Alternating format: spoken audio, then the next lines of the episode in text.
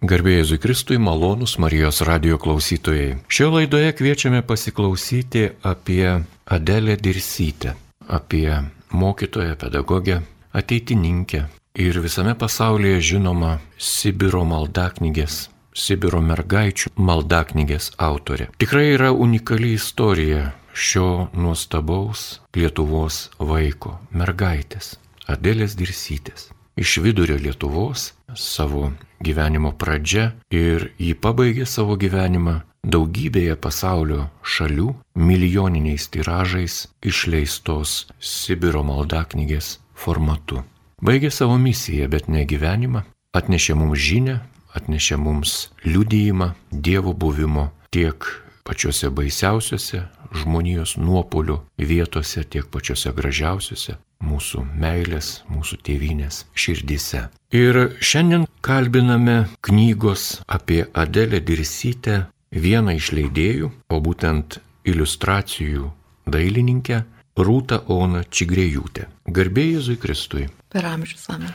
Ačiū gerbiamą Rūtą, kad atėjote į Marijos radijos studiją ir pasidalinsite savo naujų darbų. Tai yra knyga kurią sudarė Grasilda Reinys ir išleido Magnificat leidiniai. Šis darbas buvo atliktas 2020 metais ir jūs esate šios knygos iliustracijų autorė, tų piešinių, kurie čia pateikti. Taip jau yra, kad Marijos radijas nėra televizija ir negali perteikti viso to vaizdo gerbiamam klausytojui, bet pabandysime su dailininkė Rūta šią knygą jums nupiešti žodžiais. Ir turbūt tai nebus labai lengva padaryti, bet pabandysime. Taigi prie mikrofono Liutauras Serapinas ir kalbame apie Dievo tarnaitės Adelės Dirsytės atminimą. Gerbima Rūta, koks kelias šios knygos, nuo ko jisai prasidėjo? Kada pirmą kartą atėjo žinia jums apie tai, kad reikės šią knygą iliustruoti? Tai pirmiausia, gal pradėsiu dar nuo anksčiau, nes matytas kelias iš Amerikos keliavo viena kryptim, o Lietuvoje kita galbūt kryptim. Dar keli mėnesiai iki iki laiško, kurį gavau iš Grasildos Reinytės. Tokia buvo kilus mintis, kad labai norėtųsi piešti šventąjį. Tas įkvėpimas kilo Videniškėse per padėkos mišes už Mykolą Gedraitį. Ir tiesiog tas paveikslas mane tiesiog prikaustė, galvau, kaip yra nuostabu piešti šventąjį. Ir grįžus namo aš bandžiau tai daryti ir niekaip tas, niekaip man jokia realizacija nu, nepasisekė. Ir maldoju ir sakiau, nu Dieve, nu, kažkaip norėčiau aš to šventojų, nu kaip čia taip man taip. Ir mėnesio bėgyje aš gaunu laišką, vadinasi klausimas iš Čikagos, ar aš norėčiau iliustruoti knygelę apie Delę Dirsytę. Tai man jau toks atsakymas buvo tik vienas, taip, žinoma, kad taip, nes aš ką tik prašiau ir vat, gavau, tai prašau prie darbo. O kas buvo tie žmonės, kurie atnešė tą informaciją, tą prašymą? Tai laiškas ir buvo nuo, nuo Grasildos Reinytės, o Grasilda Reinytė, Čikagoje gyvenanti, susitiko su Liuteronų kunigu Valdo Užra ir pamatė knygutę, kurią buvau iliustravusi prieš tai, metai prieš tai jo, jo poezijos knygutę vaikams. Tai tos iliustracijos jai patiko ir jinai sakė, duok man adresą ir aš kreipsiuos.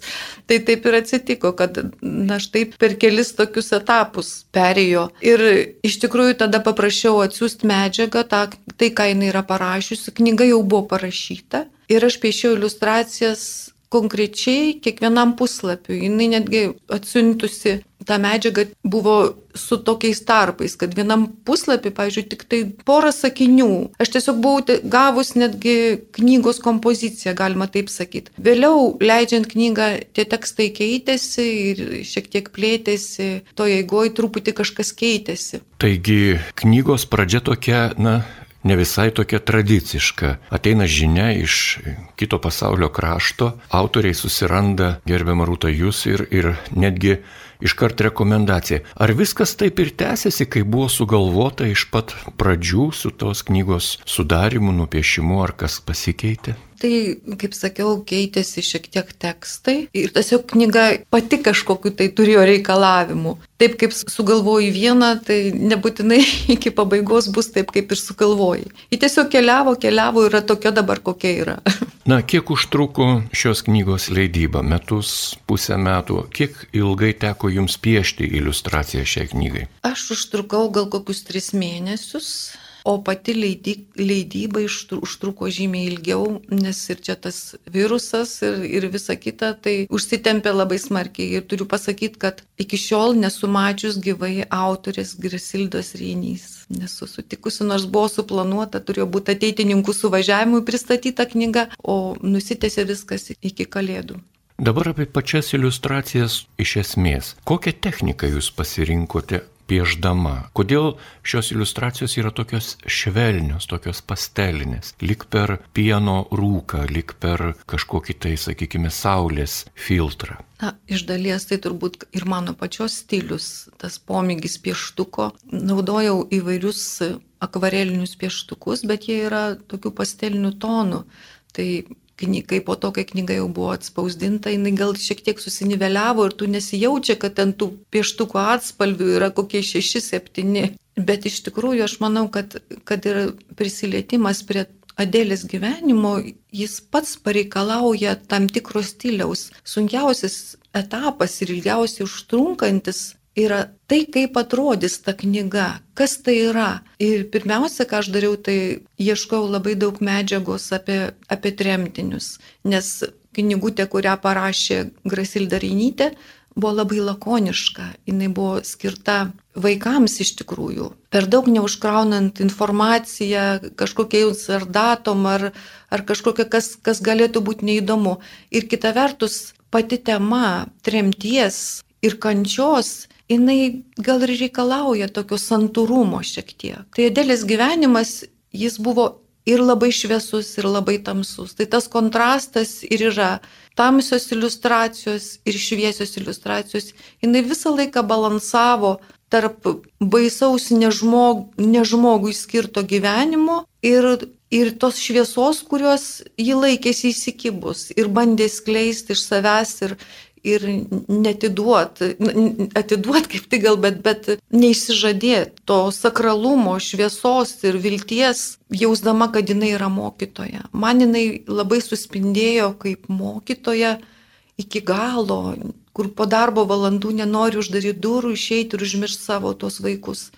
Iki pat galo galvoju, kaip ten tom mergaitėm, kur, su kuriuom jinai kartu buvo ištremta, nes aš kaip supratau, dalis buvo jos mokinių, Tai jai buvo kaip vaikai, savo vaikų ji neturėjo, o čia buvo jos atsakomybė. Aš taip galvoju, kad jinai prisėmė tą atsakomybę labai už tai, kad, už tai, kad e, tos mergaitės nenusimintų, kad jos turėtų šviesę pusę. Atsimenu, vienas liudijimas buvo, tik nepasakysiu kokią liudytoją, gal tą pasakė, kad mes išvažiuojam iš Lietuvos vagonuose ir visos pradeda verkt, kad čia jau Lietuvos siena, viskas, O jinai tada aiškiai eilėrašti augo sodė serbenta, sidabriniais lapais. Dabar tiksliai nepacituosiu, bet tas, tas bandymas pamatyti, kad visur yra to gražumo ir taip kaip jos laiškuose iš Sibiro, jinai rašydavo, kaip ten gražu kažkokie dalykai gamtos, nepastebėdavo visus tos dalykus.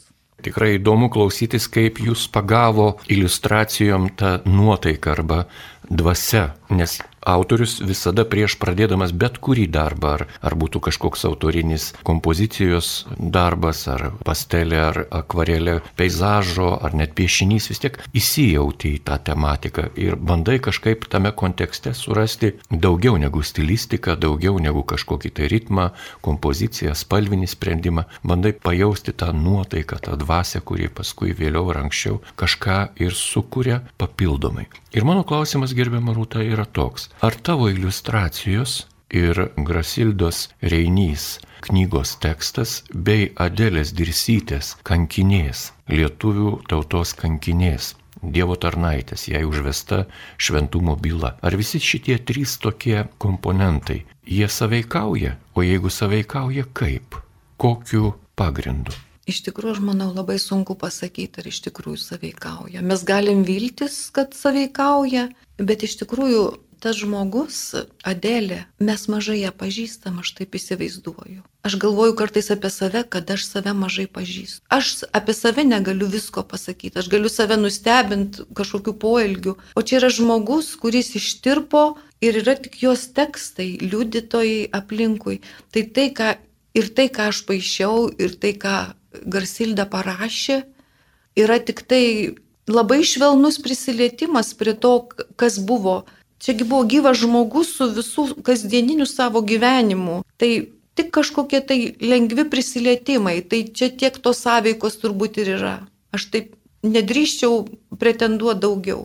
Ačiū labai, labai tikras atsakymas, nes mes galime sukurti dabar abu du sėdėdami kartu, nes ir mums, mudviems, yra didelė šventė šitą laidą. Mūdu abu mokėmės vienoj klasiai, Čiurlionė meno mokykloje, vienas kitą pažįstame nuo mažutėlių laikų ir abu turime savo unikalų tikėjimo kelią. Pagaliau Rutelė, tu ištekėjai už mano kursioko, mano kurso draugo, skulptoriaus. Mes vienas kitą pažįstame ir turime savo unikalią istoriją. Ir dar prie šitos istorijos glaudžiasi kitos istorijos. Malonus radio klausytojai, kodėl aš pakreipiau laidą tokią linkme? Todėl, kad darosi labai įdomus reiškinys. Jūs pastudijuokite, pasvarstykite, pagalvokite tie, kurie pažįstate Adelę Dirsytę. Ar nekeista, kaip jis suveda šiuo metu įvairius žmonės ir kokie keisti, kokie unikalūs šių suvestų žmonių yra likimai. Ne save turiu omeny, o sakykime,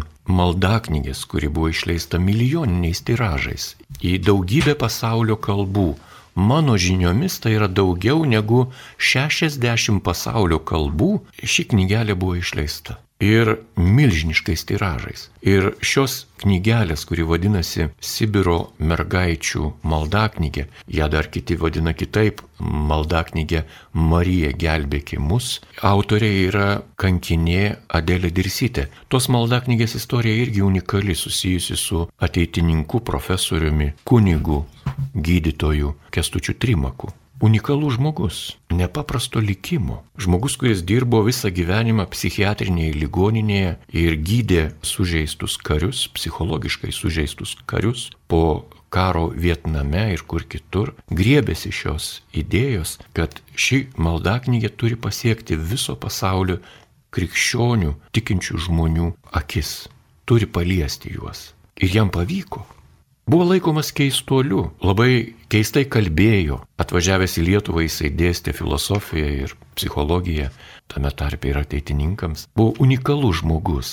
Mes jo gal nesame tinkamai įvertinę, reikėtų pagalvoti. Kartais, na, užsibrėžime tikslą va, padaryti, kad Adelė Dirsytė būtų altorių garbėje, kad ji būtų šventaja. Bet kartais tai būna, kad šalia Adelės Dirsytės buvę žmonės nemažiau yra nuopelningi. Arba daktaras Mindaugas Bloznelis, draugiukas, kuriam buvo rašomi tie visi laiškai, kaip jis degė Adelės Dirsytės likimu, jos šventumo istorija, koks jis buvo unikalus. Žinoma, klausytojai turbūt gal yra kai kurie ir skaitė, Adelė Dirsytė, gyvenimas ir darbai, kurią išleido, tą knygą išleido dar e, daktaras Mindaugas Bloznelis, būdamas gyvas. Dabar galime tik apgailestauti, šių žmonių nebėra, nei kunigo Kestučio Trimako, nei daktaro Mindaugo Bloznelio ir kitų, kurie galbūt prie šios knygelės, mes nežinome to asmens, kuris sugebėjo į Junktinės Amerikos valstijas per Lenkų kalinius, kankinius lageriuose, sugebėjo tą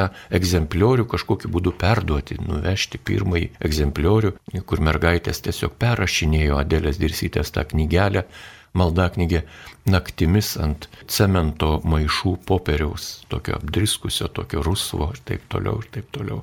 Mano rankose yra knygelė, kuri yra trečią kartą išleista Kaune 2009 metais ir šios maldaknygės tekstas yra perfotografuotas iš knygos Romuvos Woodhaven, New York'e 1965 metų. Ir ta knygelė Marija gelbėk mus maldaknygė tikrai daugelis žmonių yra tiesiog kasdienis maldynas. Stebimės, kodėl tokios padrikos, neišbaigtos kartais, tik idėja primenančios maldelės, kodėl jos randa mūsų širdise tiek daug atliepo. Atleiskit už tokią ilgą įžangą, bet ji yra labai svarbi, kalbant apie Adelę Dirsytę, kuri gimė 1909 m. balandžio 15 d. Kedainių rajone Pramislavos kaime, o mirė 1955 m. rugsėjo 26 d., kaip teigia sovietiniai kalėjimų ir lagerių administratoriai Khabarovsko krašte Rusijoje, taip ir negrįžusi iš nutrėmimo.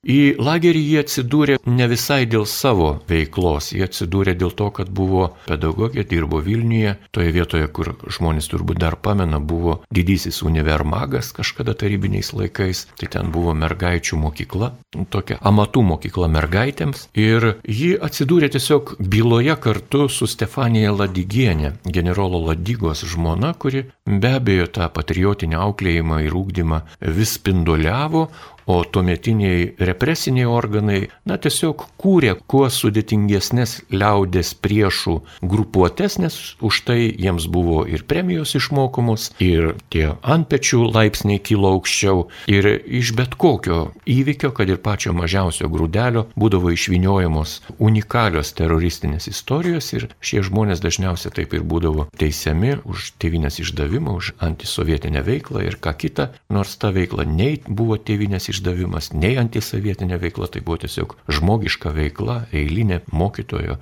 tikybos mokytojo, lietuvių kalbos mokytojo, vokiečių kalbos mokytojo ar, ar panašiai. Visko būta. Šiais laikais mes į daug ką galime pažiūrėti plačiau, nes jau yra mokslininkų labai daug rasta ir artefaktų, ir istorijos yra labiau pažįstamos mums, bet jos labai sunkiai skinasi kelią į auditorija platesnė. Todėl ši laida yra skirta jums, gerbiami radio klausytojai, susipažinti su dar viena unikalia asmenybė - kankinė Adelė Dirsytė. Kalbiname knygos apie Adelę Dirsytę iliustratorė Rūta Ona Čigrėjūtė. Ši knyga taip ir vadinasi Adelė Dirsytė ir ją sudarė Junktinėse Amerikos valstijose Čikagoje gyvenanti ateitininkė lietuvė Grasilda Reinys. Gerbiama Rūta, jeigu būtų galima truputį papasakoti apie iliustracijas. Kokios iliustracijos jums liko širdyje kaip neišdildomas patyrimas? Kokie tie piešiniai? Gal galėtumėte apie juos tarti žodelį? Na tai dvi iliustracijos iš šitos knygos. Viena yra iliustracija Adelė sėdi ant kėdutės, kaip ta prieštardytoja, tiesiog, net nežinau kaip čia pasakyti, pieždama labai turėjau daug peržiūrėti medžiagos apie Sibiro kankinius, apie tremtinius, nes apie pačią Adelę, nu, iš kur ten tų daug, daug labai tų tų gali atsirasti, bet aišku, jų buvo iš jos gyvenimo ir Kaune, ir iš to šviesaus periodo, o iš tamsiojo periodo tos dvi nuotraukėlės, kurios padarė man didžiulį tokį nepaprastą įspūdį, kai per metus iš žmogaus padaroma nebe žmogus, tiesiog nebe tai, be, be atminties, be kažko. Tai yra tos nuotraukos, kurios turbūt mane labiausiai palaikė per šitą visą iliustracijų piešimą. Viena ta iliustracija aš Adėlę pasodinau ant kalėjimo kėdutės kaip prieštardytoje, prieštardymą. Ir iš tikrųjų tai čia turėjo būti sąrašas daiktų. Šalia, kadangi to rašymo knygos ir taisymo metu truputėlį kito tekstas, kažkokiu būdu dingo sąrašas, kuris man atrodė labai svarbus. Sąrašas daiktų padarytų kratos metu, kai žmogus yra kaip nuogas pastatomas su savo visais bateliais, su pagalbėm, su kažkuo, kad kažkas turi teisę knistis tavo asmeniniuose daiktuose. Ir, ir va štai šita iliustracija man pati yra, nu, tokia gal ir artimiausia. Jos va tas tardymo momentas, tas akistata, kai tu iš žmogaus gyvenimo tampi inventorizuotų kažkokiu tai daiktų, su kuriuo bus galima elgtis kaip nori. Na ir kita iliustracija turbūt irgi ta iš jos tos akimirkos, kai jinai persima ir baimėm, ir, ir galbūt psichika yra palaužiama nuo baisių kankinimų. Tamsi iliustracija. Ir tai va šitos mano iliustracijos yra tokios gal ir kertinės, galbūt aš galėčiau tai pasakyti. Nors iš tikrųjų tai pagal knygą kaip buvo Grasildos sudėliotos tos tekstai, tai vis tiek sėki. Ir aišku, aš turėjau labai daug peržiūrėti medžiagos apie Sibirą, nes tai, ką mes žinom apie Edelę, yra juokingai maža dalis žmogaus asmens, aš taip galvoju. Taip, jūs labai teisi. Šitoje vietoje turbūt reikėtų prisiminti daktarą Mindaugą Bloznelį, kuris vienintelis turėjo tokį platesnį susirašinėjimą su Adelė Dirsytė iš lagerio. Jį labai mylėjo e, Mindaugą ir jam rašydavo, jį vadindavo draugiuku ir jam rašydavo labai gražius tokius laiškus, trumpus. Jo labiau visi suprantame, kad Sibiro laiškai jie ėjo per cenzūrą. Ten nebuvo galima kažko parašyti ypatingo, nebuvo galima parašyti kažko asmeniško, nes tokie laiškai praktiškai tiesiog nepraeidavo cenzūros. Tai Adelė Dirsytė mokėjo tokio, tokią mistinę kalbą rašyti. Jis rašydavo apie gamtos grožį, jinai įteikdavo jam tam tikrus pamokymus, pagal jų kažkokią nuspėjamą temą. Be galo įdomus tie tekstai. Jeigu gerbiamam radijų klausytojui patektų knyga į rankas, aš siūlyčiau tikrai pasivartyti ją ir paskaityti, kaip Sibiro kankiniai, Sibiro kaliniai rašydavo tai, kas jiems svarbu širdyje savo giminaičiams artimiesiems, kad apeiti cenzūrą. Nepaprasti dalykai, tai ypatingo intelekto, sumanumo ir išmanimo dalykai, nuspėjami, tai tekstas po teksto, užslėpti tekstai. Tai virpesiai jausmų, kurie yra perteikiami minimalia žodžių gausa. Ir kai aš žiūriu į Rūtos Čigrėjūtės iliustracijas, jos taip pat yra minimalistinės, visiškai mažai detalių. Yra tik e, siluetai arba pavaizduojama, kad ir va pastaroji iliustracija, apie kurią Rūta pasakojo, tai 1954 m. 55 m. žiemą Adėlė kažkur ilgam išvežė grįžo palaužta, fiziškai ir psichiškai suluošinta. Ir ji čia pavaizduota kaip Korbiko Sibiro Madona. Tikrai labai panaši. Ir rankos sudėtos kryžma ant krūtinės. Ir ta krūtinė įleista į vidų tokia kaip širdis didžiulė. Ir tas paklaikęs veidas, bet jis paklaikęs, bet jis gražus. Ir tų plaukų kažkokie tai likučiai. Mes dabar žinome, taip, su Adelė Dirsytė buvo daromi tardymo eksperimentai. Buvo ruošiamos metodologijos, kaip tardyti žmonės. Jei raudavo plaukus tardytojas. Gyvai, kaip sakant. Na, Mes suprantame, kas tai yra. Čia tom detalėm nesimėgausim ir nepasakosim, bet žmogus, kuris neturi visų plaukų, gražus ar negražus. Žiūrint, kuo grožimės. Jeigu grožimės šukuosena, tai sakytume, oi kaip šlikštu. Bet jeigu grožimės dvasia, tai sakytume, nepaprastas grožis. Ir rūtai pavyko pavyko perteikti tą nuotaiką. Tos šviesios pastelinės, tokios labai šviesios, kaip pieno puta plaukiančios iliustracijos ir visiškai juodos tokios išpieštos lagerių scenos arba šešėliai arba dar kažkas. Viename puslapyje aš randu jūsų labai preciziškai, labai švelniai, labai su meilė nupieštą rožinį. Kodėl jį pasirinkote? Tai tie rožiniai, kaip čia nieko naujo nepasakysiu, buvo daromi iš duonos manau, kad ant tos duonos tikrai nebuvo per daug, kad jau ten maigytum ir darytum skulptūrėlės. Tiesiog malda buvo duonos kaip duona iš tikrųjų. Ir manau, kad, kad tai ta duona tapusi malda buvo dar svarbiau, dar daugiau tos duonos buvo, kai tapo rožiniu. Tai čia iš, viena iš tokių detalių, sakysim, kurią aš galėjau apčiuopti, nes apie Dėlę Dirsytę medžiagos labai daug negaliu pasakyti, kad buvo. Gal, gal kažkam, kas skaito knygas ar ten bloznelio knygą, aš aišku peržiūrėjau visą, atrodo, kad nemažai medžiagos, bet kai paaišai, tai kiekviena detalė atrodo svarbi ir kiek ten to iš tikrųjų melo, Adelė, jeigu dabar pasižiūrėtų, tai sakytų, nu čia tai ne taip, čia tai ne šitaip, koks ten tas stulpas, kokio aukščio, kas tai yra narai, kas tai yra po narais, kai meldžiasi, su, jos sulyzdavo po narais ir kalbėdavo rožinį. Tai kokio aukščio tie narai turi būti, kas tai yra, kas per krosnelį, kas per kūčių šventimas. Tos medžiagos buvo labai, labai iš tikrųjų skurdžiai. Aš turėjau peržiūrėti daugybę filmų, visiškai lik ir nesusijusių, bet turiu pasakyti, buvo toks ciklas Lagerių moteris ir man labai padėjo, nes aš apie ją sužinojau iš tų pačių mergaičių, kurios buvo lagerį ir kurias Adelė palaikė. Gyvi liudininkai to viso gyvenimo. Tai aišku, bet žodžiu pasakytas, nupasakotas vaizdas vaizdu netampa. Turi pasižiūrėti, kaip tas atrodo, kokio aukščio ten ta spigliuota tvora ar kažkas. Tai, tai vat. Dar viena iliustracija, kuri tokia yra tikrai iškrentanti iš viso konteksto, sakykime, savo turiniu. Kalbu ne apie stilistiką, ne apie meninę atlikimo formą, bet iliustracija, kur viename puslapyje yra Sibiro gamyklos, kažkokie kaminai rūksta, tos lentelės mirusių kalinių subestos į žemę ir sujungta su namo langu, per kurį matosi New Yorko dangoraižiai. Ką ši iliustracija reiškia? Tai čia yra Adėlės kelias, nežiūrint to, kad jinai buvo palaidota nežinomam kape. Vienoje pusėje matosi Habarovsko siluetas ir man labai pasisekė, aš radau Habarovsko nuotrauką kažkur 18 gal metų, tokia labai sena, kai greičiausiai jinai taip ir atrodė tuo metu, kai, kai Adelė ten buvo toj ligoniniai, panašiai, turėtų taip panašiai atrodyti. O kitoj pusėje yra vaizdas per langą New Yorko ir redaktorių ant stalo atsiusta maldaknygė. Ta maldaknygė irgi pakliuvo į New Yorką kažkokiu paslaptingu būdu, kiek žinau, per kažkokį Henriką.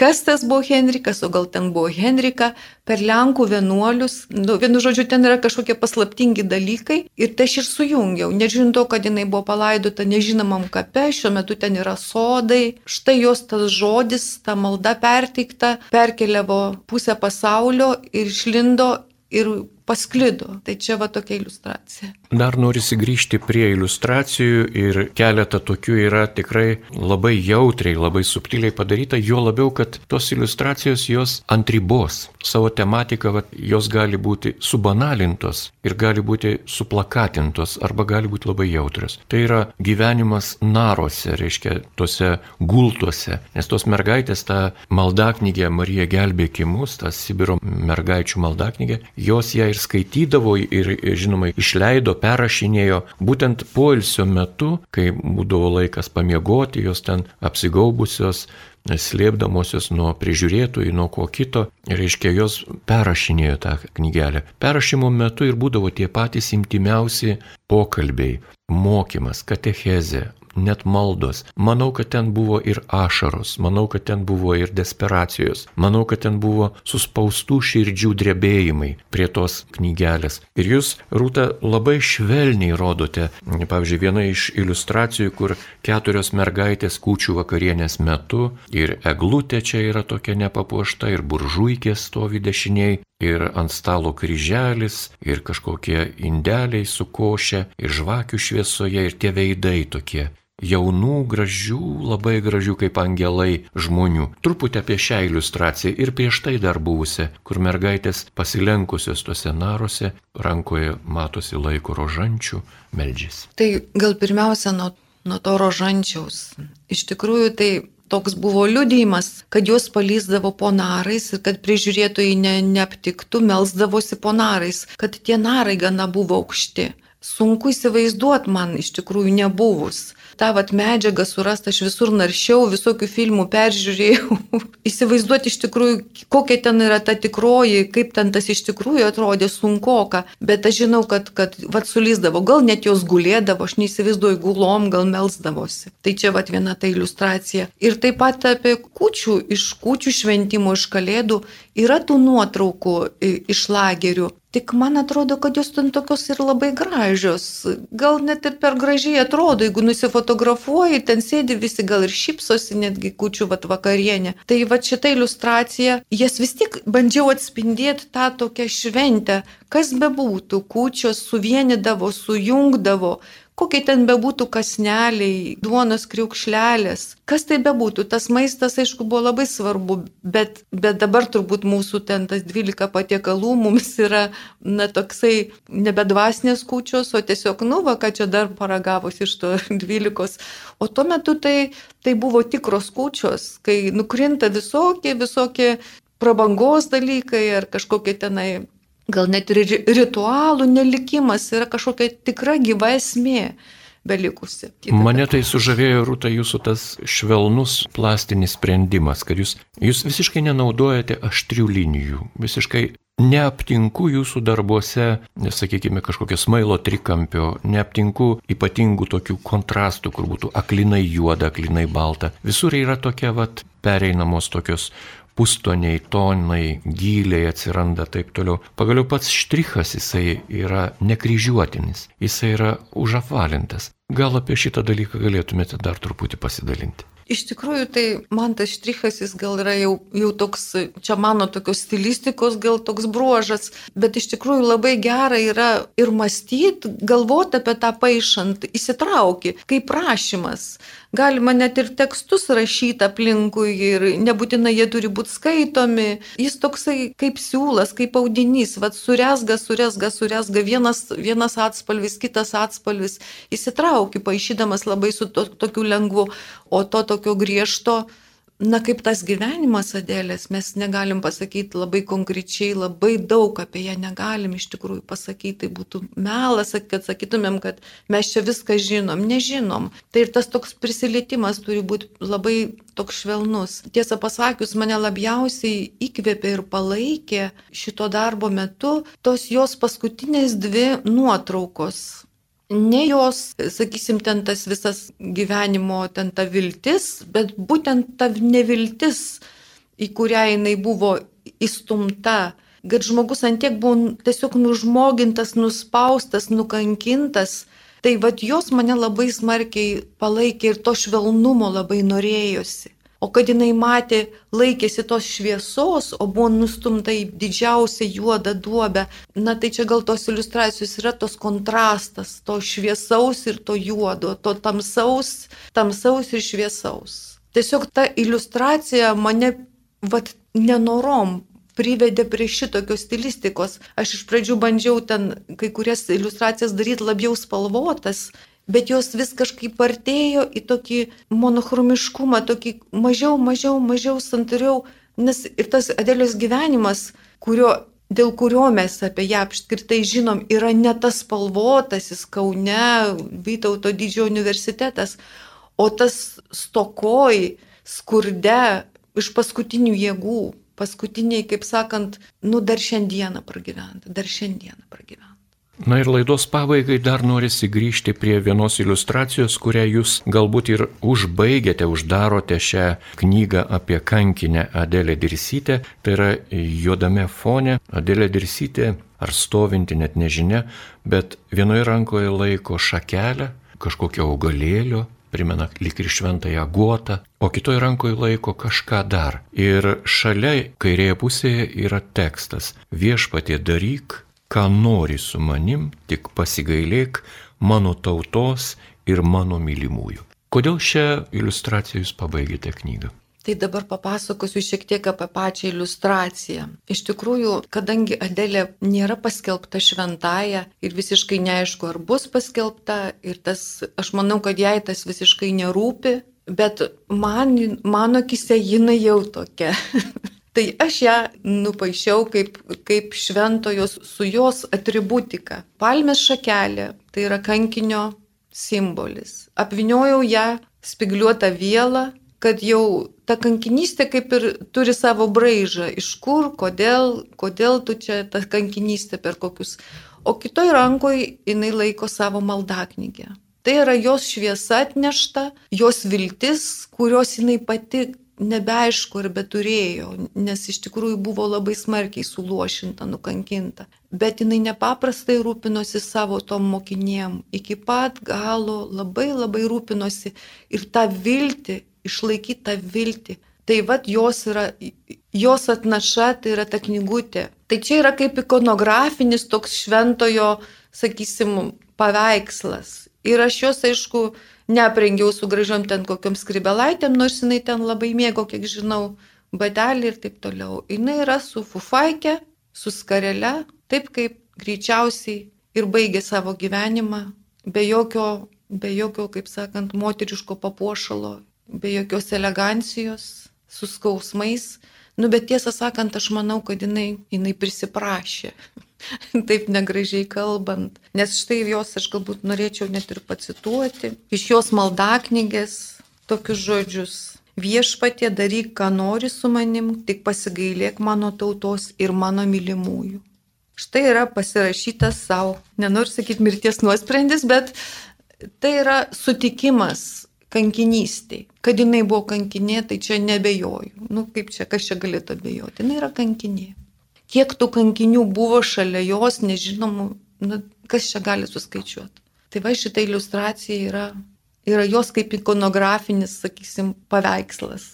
Ačiū gerbiamą Rūtą už e, pasidalinimą ir ačiū už žinoma už tokį nuostabų dailininko atliktą darbą iliustruojant šią knygą, kurią sudarė Grasilda Reinys. Nėra lengva turbūt piešti tuos šventuosius, nėra lengva ir atvaizduoti jų tą herojišką tokį gyvenimą iš vienos pusės, iš kitos pusės tai mes suprantame, kad tai yra dingęs gyvenimas, sunaikintas gyvenimas, paverstas baisybė gyvenimas, gyvenimas, kurio mes nei vienas nenorėtume, nesiektume, o turime apie tai kalbėti kaip apie kokią vertybę, juk paradoksas taip. Paradoksas. Ir aš manau, kad radio klausytojai supranta mūsų tą bandymą, tą misiją vėl grįžti prie tų amžinų temų. Amžina tema yra meilės tema. Šį kartą mes kalbame apie Adelės dirsytės meilę savo tėviniai, savo artimiems žmonėms. Kalbame apie meilę Dievui, kalbame apie meilę kiekvienam žmogui. Ir Adelės dirsytės istorijoje mane stulbina ir tiesiog tai yra riba, kurios aš negaliu peržengti. Tai yra jos dvi maldos sudėtos į maldaknygę Marija gelbėkimus. Ir tos maldos yra taip ir įvardintos. Malda prieš šventąją komuniją ir malda po šventos komunijos. Kiekvienam žmogui, kuris nors kažką yra girdėjęs apie lagerį, apie kalėjimą, apie tremtį, apie Sibirą, šventoji komunija ir lagernikas arba lageryje esantys žmonės tai yra tiek nutolę dalykai, kad tiesiog, na, kalbėti, kad Ten kaliniai turėjo šventų mišių auką, galėjo taip kaip mes džiaugtis kasdieną ir taip toliau. Tai yra visiškai netikrovė, taip nebuvo. Ir šioje maldaknygėje yra maldos liečiančios tiesiogiai švenčiausiai sakramentą ir komuniją. Ir čia taip ir ta malda ir prasideda. Jėzau atėjai pas mane, Pasilik pas mane per visas dienas, gyvenk manyje, mokyk mane, kad ir skaudžiausiai ilsėkis pas mane, tik niekad nepaliki manęs. Su visa savo būtybė glaudžiuos prie tavęs, garbinu tave, dėkoju tau už ateimą, paguodas, už visas malonės mano ir mano namams. Kokie namai, kokios paguodos, kokie ateimai. Galėčiau tęsti, turbūt neužtektų dar vienos laidos apie tą turinį, kuris yra sudėtas į šias maldas. Bet čia šitoje vietoje turiu pasakyti, kad čia yra mistinis gyvenimas. Tai yra mistinis tikėjimo išpažinimas, tai yra ta mistika, apie kurią mes matome, skaitome šventųjų gyvenime, kai kažkas įvyksta tokio, ko negali paaiškinti mokslas, technika, išradimai, laboratorijos ir ką kita. Ir toje mažoje maldaknygėje tai telpa. Aš labai džiaugiuosi, kad gerbiamos rūtos onos čigrėjutės iliustracijose nėra sunaikintas kelias arba neuždaryti vartai į mistiką. Ir jos iliustracijose jūs rasite tas tuščias erdves, kuriuose jūsų akis atliks paveikslų padarimą, išryškinimą arba pavaizdavimą, o galbūt atsiminimą, o gal regėjimus, o gal kažkokias tai mintis ateities atskleidimus. Šventieji miršta ne tam, kad liudytų kažkokią istoriją, kaip pasaka. Šventieji nemiršta, jie gyvena kartu su mumis, jie yra šalia mūsų. Ir Adėlės dirsytės buvimas tikrai yra Ir ji netgi šioje maldaknygėje, būtent toje maldoje, kuri yra skirta švenčiausiojo sakramento, na, tokiame prieimime, kuri, suprantame, kad tai buvo grinai mistiniai dalykai. Jis rašo, dėkoju gailestingumo Dieve už tas širdis, kurios man tiek daug gero padarė, kurios manęs niekada neužmiršta. Dėkoju ir už tuos, kurie manęs neapkesdami auklėja ir įspėja. Amen.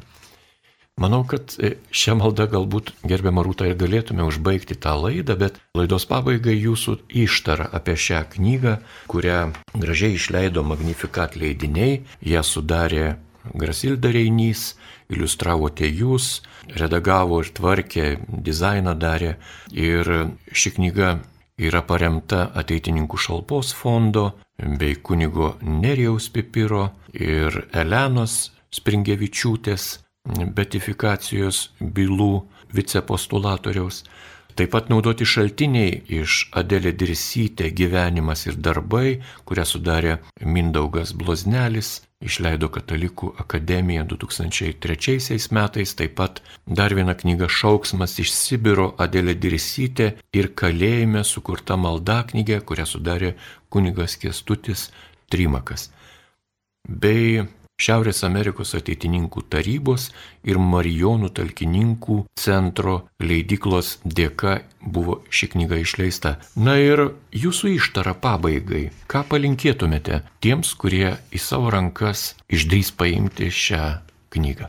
Na, iš tikrųjų, tai norėčiau palinkėti klausytojams prisiliest, nebijot prisiliest prie tokio sunkaus gyvenimo. Iš tiesų tai manau, kad, kad nėra lengva. Maloniau yra lengvas knygelės skaityti, o čia prisimt kančią, nes čia niekur nebesidedi. Kai jau susipažįsti su Edelė, jin tiesiog nepalieka abejingų.